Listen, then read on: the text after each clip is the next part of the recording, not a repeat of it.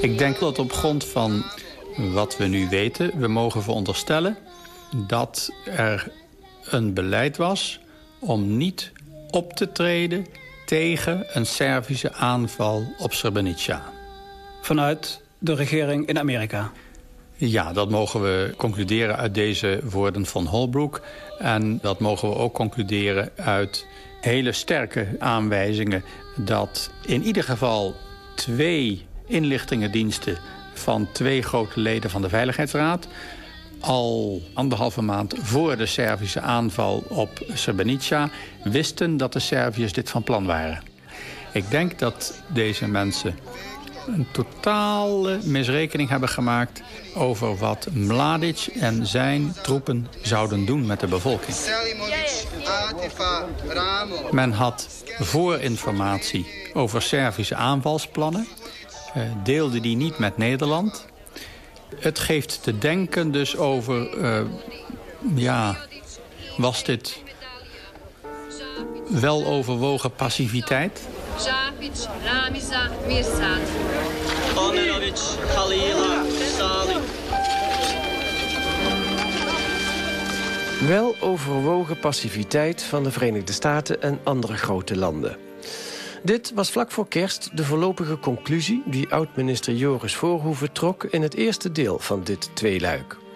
Voorhoeven, die ten tijde van de val van Srebrenica in juli 1995... voor de VVD minister van Defensie was in het eerste Paarse kabinet... is nu lid van de Raad van State en hoogleraar aan de Nederlandse Defensieacademie in Breda. Voorhoeven trok zijn vergaande conclusie in onze uitzending van twee weken geleden... op grond van twee aanwijzingen. Om te beginnen verwijst hij naar een vraaggesprek... dat een televisiestation uit de Bosnische hoofdstad Sarajevo had... met de Amerikaanse diplomaat Richard Holbrooke. Anderhalve maand geleden dook dat al een jaar oude interview met Holbrooke op.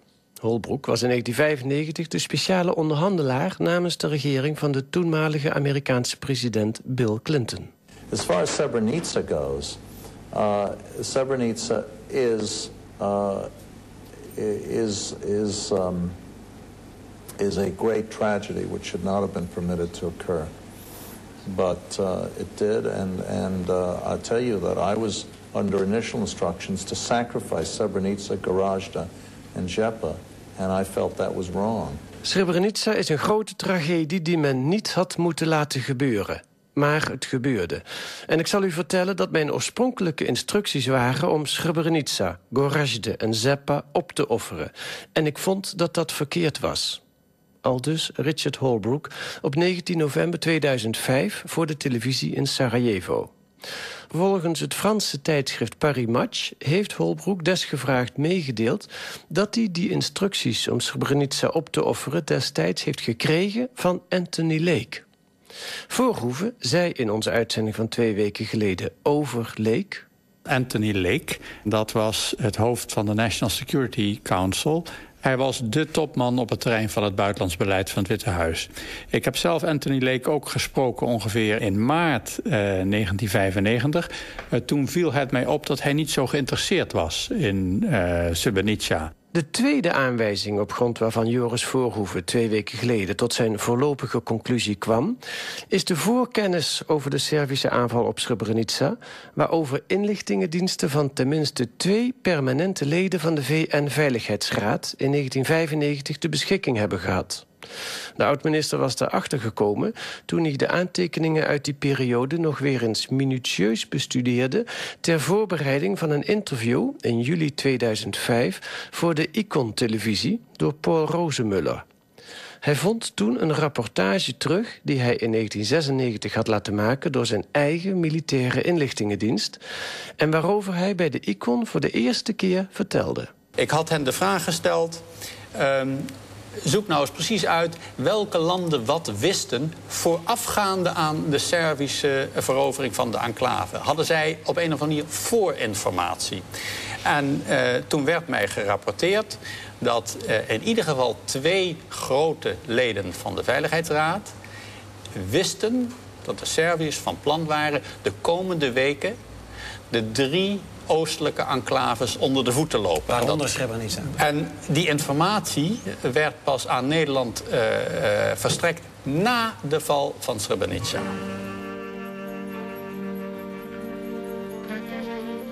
Vandaag gaan we verder met ons interview met Joris Voorhoeven. We leggen hem nieuwe documenten voor over het uitblijven van luchtsteun. We praten over de vraag of Srebrenica en Dutchbed zijn verraden. En hoe houdbaar is de conclusie van het NIOD, het Nederlands Instituut voor Oorlogsdocumentatie, dat de aanval op Srebrenica niet was te voorzien en dat er daarom ook geen voorkennis over was?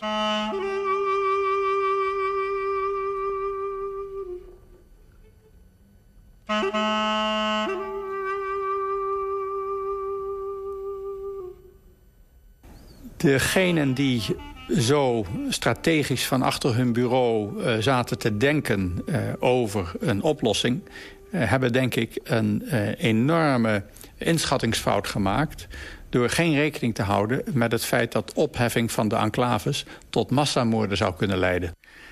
Het gaat dan om een enorme onderschatting... die door deze strategen voor een oplossing van de oorlog in Bosnië zou zijn gemaakt een onderschatting van de gevolgen van het opgeven of laten innemen van Srebrenica.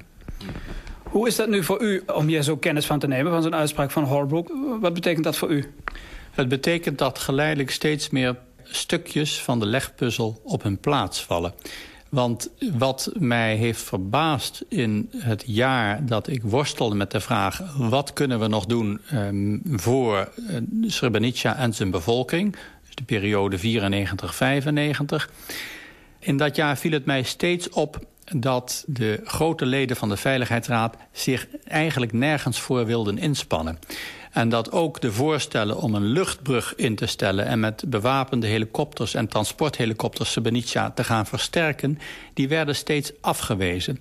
Hebben die grote landen in de Veiligheidsraad, Nederland en ook u... en de Nederlandse militairen destijds gewoon in de kou laten staan? Er zijn zoveel aanwijzingen die tonen dat uh, er van nalatigheid sprake was... dat ik daar geen goed gevoel over heb. Ja, want die nalatigheid, dat merkte u natuurlijk toen al... toen u bezig was om steun te krijgen voor allerlei plannen... die u dan op tafel legde. Maar nu krijgt u dus te horen dat die nalatigheid ook voortkwam... uit soort strategische overwegingen. Ja, daar lijkt het op. Voorstellen voor een luchtbrug werden afgewezen. Voorstellen voor het preventief evacueren van de bevolking... naar Centraal Bosnië werden afgewezen. Um, de schuld voor de massamoorden ligt uiteraard alleen bij Mladic en de zijnen... en degene die hem opdrachten hebben gegeven.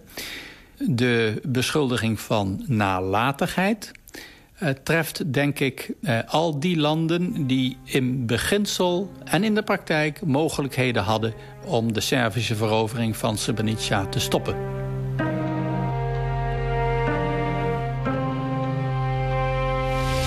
Srebrenica shattered the illusion that the end of the Cold War would sweep away genocidal madness. Instead, it laid bare for all the world to see the vulnerability of ordinary people to the dark claims of religious and ethnic superiority. Bill Clinton, oud-president van de Verenigde Staten. In het dorpje Potocari, dichtbij Srebrenica.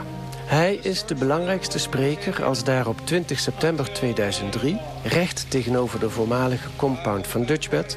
de begraafplaats voor de slachtoffers van de massamoord... plechtig in gebruik wordt genomen. De Amerikaanse regering onder Clinton heeft zich tijdens de burgeroorlog in Bosnië... in openbare fora steeds hard gemaakt voor een steviger aanpak. Maar de bevindingen van oud-minister Voorhoeven... over het Amerikaanse beleid ten aanzien van Srebrenica... roepen een heel ander beeld op. En juist over Srebrenica en andere moslim-enclaves in Oost-Bosnië... heeft Washington, bijvoorbeeld in de Verenigde Naties... altijd ferme taal uitgeslagen... bij monden van zijn toenmalige afgevaardigde Madeleine Albright... Albright pleitte speciaal voor een veel robuustere inzet van het luchtwapen... door middel van grootscheepse aanvallen... of door luchtsteun aan de VN-troepen op de grond, zoals Dutchbed. Joris Voorhoeven. Om luchtsteun aan Dutchbed in Srebrenica te geven... moesten twee instanties hun goedkeuring geven. De UNPROFOR, dus de Verenigde Naties, en de NAVO... De NAVO leverde de gevechtsvliegtuigen, de meeste afkomstig uit de Verenigde Staten. De NAVO-visie op de inzet van het luchtwapen in Bosnië... werd dan ook gedomineerd door de Amerikanen. Zo valt onder andere in het NIOT-rapport te lezen. Voorhoeven gaat verder over de luchtsteun voor Dutchbed... die toen het erop aankwam niet veel voorstelde. Het gaf mij de indruk dat men nog even op het laatste moment... voor een klein beetje luchtsteun goedkeuring gaf om het verwijt te ontlopen dat er nooit luchtsteun was gegeven. Maar effectieve luchtsteun had natuurlijk vele dagen eerder moeten worden gegeven... toen de overste Karamans het ook aanvroeg. Toch had hij op de avond voor de val van de enclave nog hoop. Zo vertelt de oud-minister. Ik herinner mij nog heel levendig dat uh, de avond voor de Servische aanval... mij werd gezegd uh, door een Nederlandse officier die in uh, de VN-bevelslijn zat. Er komt nu vanavond een groep van ongeveer 40 vliegtuigen... en die gaan de Servische artillerie rondom Srebrenica uitschakelen. Vannacht. Dus ook met alle nodige elektronische apparatuur. Nou, toen haalde ik opgelucht adem en dacht... jongens, misschien wordt de situatie zo gered. Het was vreselijk nieuws om later die avond te horen... dat uh, die hele vluchtvliegtuigen uh, was afgezegd omdat het slecht weer zou zijn geweest. Dat heeft mij altijd verbaasd, want ik dacht dat je met moderne technologie... ook gewoon in slecht weer je taken kunt verrichten. Nu uh, hebben wij recentelijk uit Amerika een heel interessant document in handen gekregen... Ja, dit is uh, een voor mij nieuw document. De geheime geschiedenis van Dayton. Uh, dat is een, een document uh, uit de National Security Archive. Het is opgesteld in opdracht in de tijd van de Amerikaanse minister van Buitenlandse Zaken. Die gaf in 1996 de opdracht aan een geheime studiegroep van topfunctionarissen... om die hele voorgeschiedenis van dat Dayton-akkoord op een rijtje te zetten... en om een studie te maken om lering te trekken. En in die geschiedenis speelt dus ook het hoofdstuk Srebrenica een rol... En toen vonden wij de volgende passage. Minister Christopher vroeg een vergadering bijeen te roepen van het Principals Committee om de verslechterende situatie in Bosnië te bespreken en de Amerikaanse positie te bepalen wat betreft de te nemen stappen. Tijdens deze Principals Committee vergadering op zondag 28 mei werd het besluit genomen om het gebruik van luchtaanvallen tegen de Serviërs voor de afzienbare toekomst stilletjes uit te sluiten. Al dus het in november 2005 vrijgegeven interne evaluatierapport van het Amerikaanse ministerie van Buitenlandse Zaken over de totstandkoming van het Dayton-akkoord. Het akkoord dat in november 1995 uiteindelijk een einde maakte aan de oorlog in Bosnië. Het Principals Committee, dat dus op 28 mei 1995... op verzoek van minister van Buitenlandse Zaken Christopher bijeenkwam... was voor de Clinton-regering een van de belangrijkste organen... voor buitenlandse politieke besluitvorming. Het vergaderde op het Witte Huis onder leiding van de nationale veiligheidsadviseur Anthony Lake... en bestond uit topfunctionarissen van Buitenlandse Zaken... het ministerie van Defensie, de strijdkrachten, de CIA de vertegenwoordiging bij de Verenigde Naties... de staf van de vicepresident en de Nationale Veiligheidsraad. Het interne evaluatierapport vermeldt ook nog dat de Franse president Chirac en de Britse premier Major het Amerikaanse besluit over het stilleggen van het luchtwapen steunden. Ook al sloten zij toekomstige luchtaanvallen niet helemaal uit. Oud-minister Voorhoeven geeft een reactie op deze onthullende passages dat bevestigt dat dus um, er eigenlijk geen bereidheid meer was al in mei om het luchtwapen nog effectief in te zetten. Er werd besloten dat in het geheim het gebruik van het luchtwapen werd uitgesloten.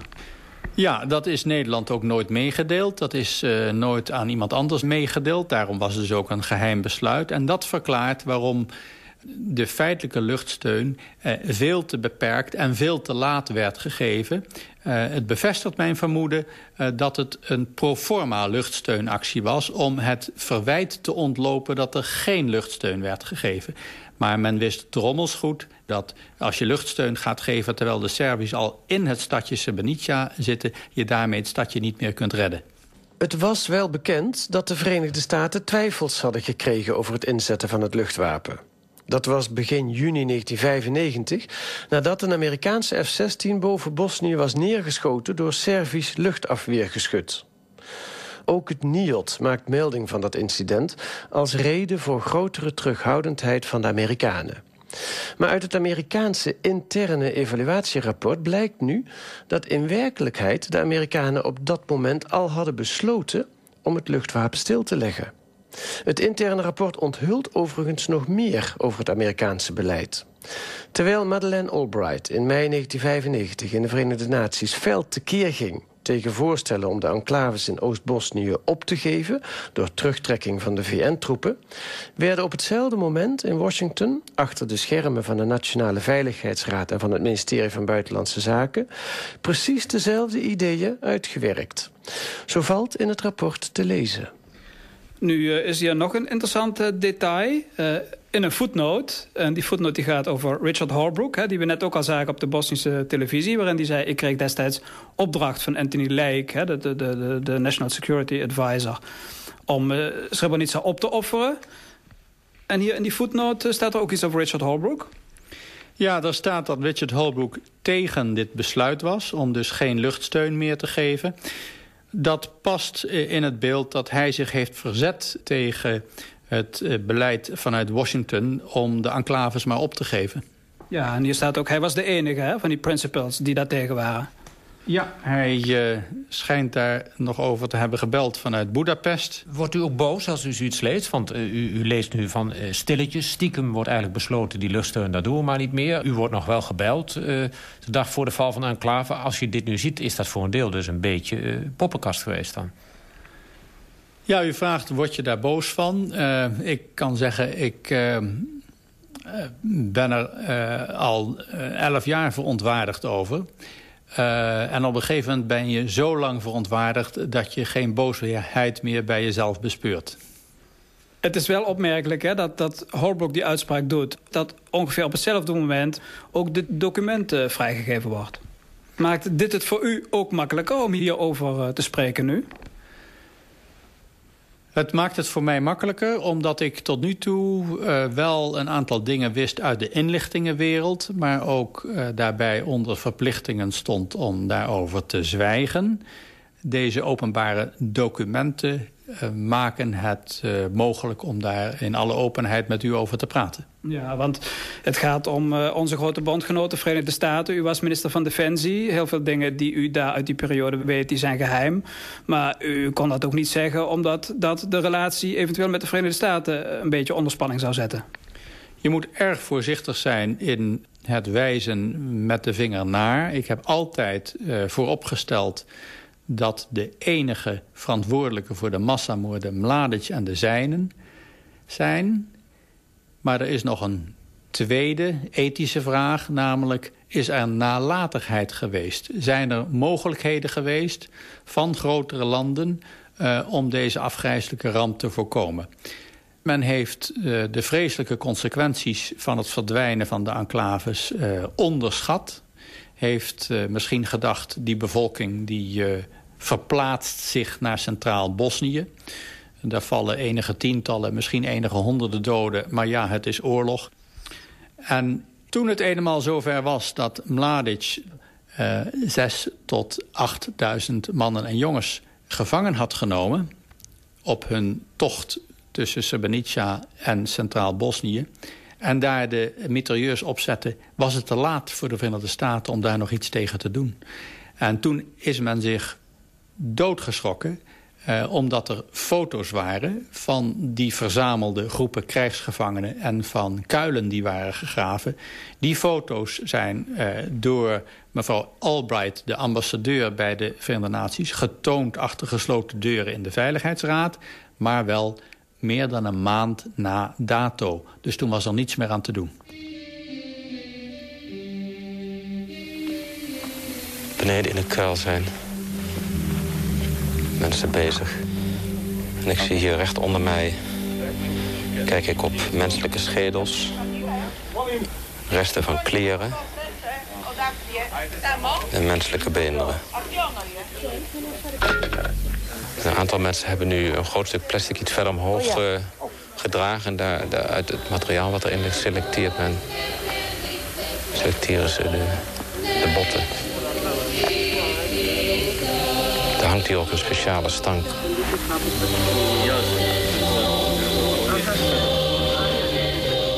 De bevindingen van Joris Voorhoeven gaan lijnrecht in tegen een van de belangrijkste conclusies van het NIOD, het Nederlands Instituut voor Oorlogsdocumentatie. Zo constateerden wij twee weken geleden. Het NIOD onderzocht het Srebrenica-drama in opdracht van de Nederlandse regering en publiceerde na jaren van onderzoek in april 2002 zijn rapport. Volgens het NIOD was de verovering van Srebrenica op 11 juli 1995 niet te voorzien, omdat de Bosnische Serviërs pas op het allerlaatste moment zouden hebben besloten om de enclave te veroveren. Het NIOD schrijft onder andere... Er was geen sprake van maandenlange voorbereiding. De voorbereidingen voor de aanval op Srebrenica vonden plaats tussen 2 en 6 juli. Met deze stelling veegt het NIOD alle aanwijzingen en inlichtingenmateriaal van tafel... die duiden op voorbereidingen van voor juli 1995 en kennis daarover. Maar die aanwijzingen zijn er wel. En die hebben wij de afgelopen jaren in eerdere Argos-uitzendingen... uitvoerig aan de orde gesteld. Twee weken geleden lieten wij als voorbeeld enkele fragmenten horen... uit ons gesprek met de Duitse generaal buitendienst Manfred Uizelen... die de NIOD-conclusie aanvecht. Uizelen was in 1995 een van de hoogste chefs op het DPKO... het Department of Peacekeeping Operations... op het VN-hoofdkwartier in New York. Aanwijzingen uit het voorjaar van 1995 kregen we niet alleen te horen van hoge VN-functionarissen zoals generaal Uizelen, maar ook van verschillende ex-Dutchbatters. Nu zou je hun verhalen nog kunnen afdoen als achteraf terugredeneren. Maar sinds kort beschikken wij over filmopnames met gesprekken die niet achteraf, maar in 1995 in Srebrenica zijn gemaakt door de voorlichter van Dutchbat. Uit februari 1995 bijvoorbeeld, vijf maanden voor de Servische aanval...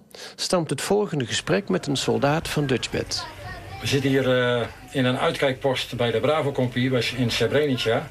Uh, voorzie jij nog uh, veranderingen in de zin van oplopende spanningen? Ja. Waarom denk jij dat dat gebeurt? Nou, de Serven hebben hier de laatste tijd vrij veel zwaar materieel eh, heen eh, gesleept. En eh, zijn flink bezig met de opstellingen aan het maken en, en het verbeteren. En de moslims reageren daar ook weer op.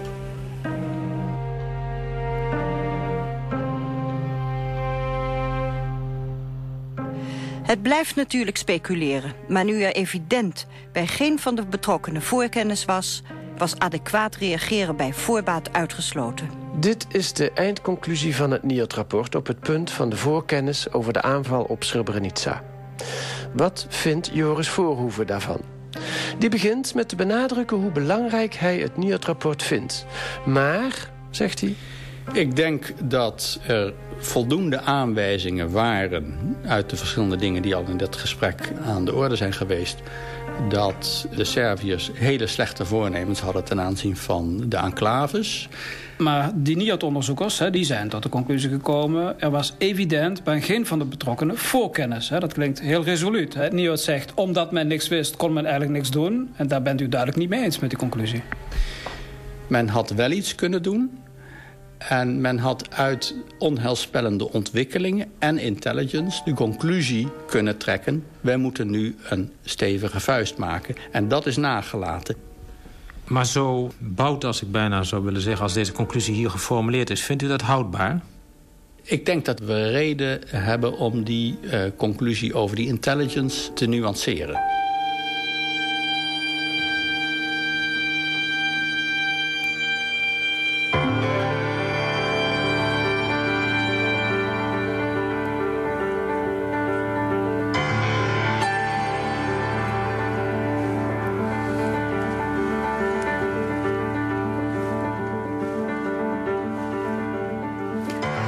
Tot zover Argos van deze week. Dat werd gemaakt door Huub Jaspers en Gerard Legebeke.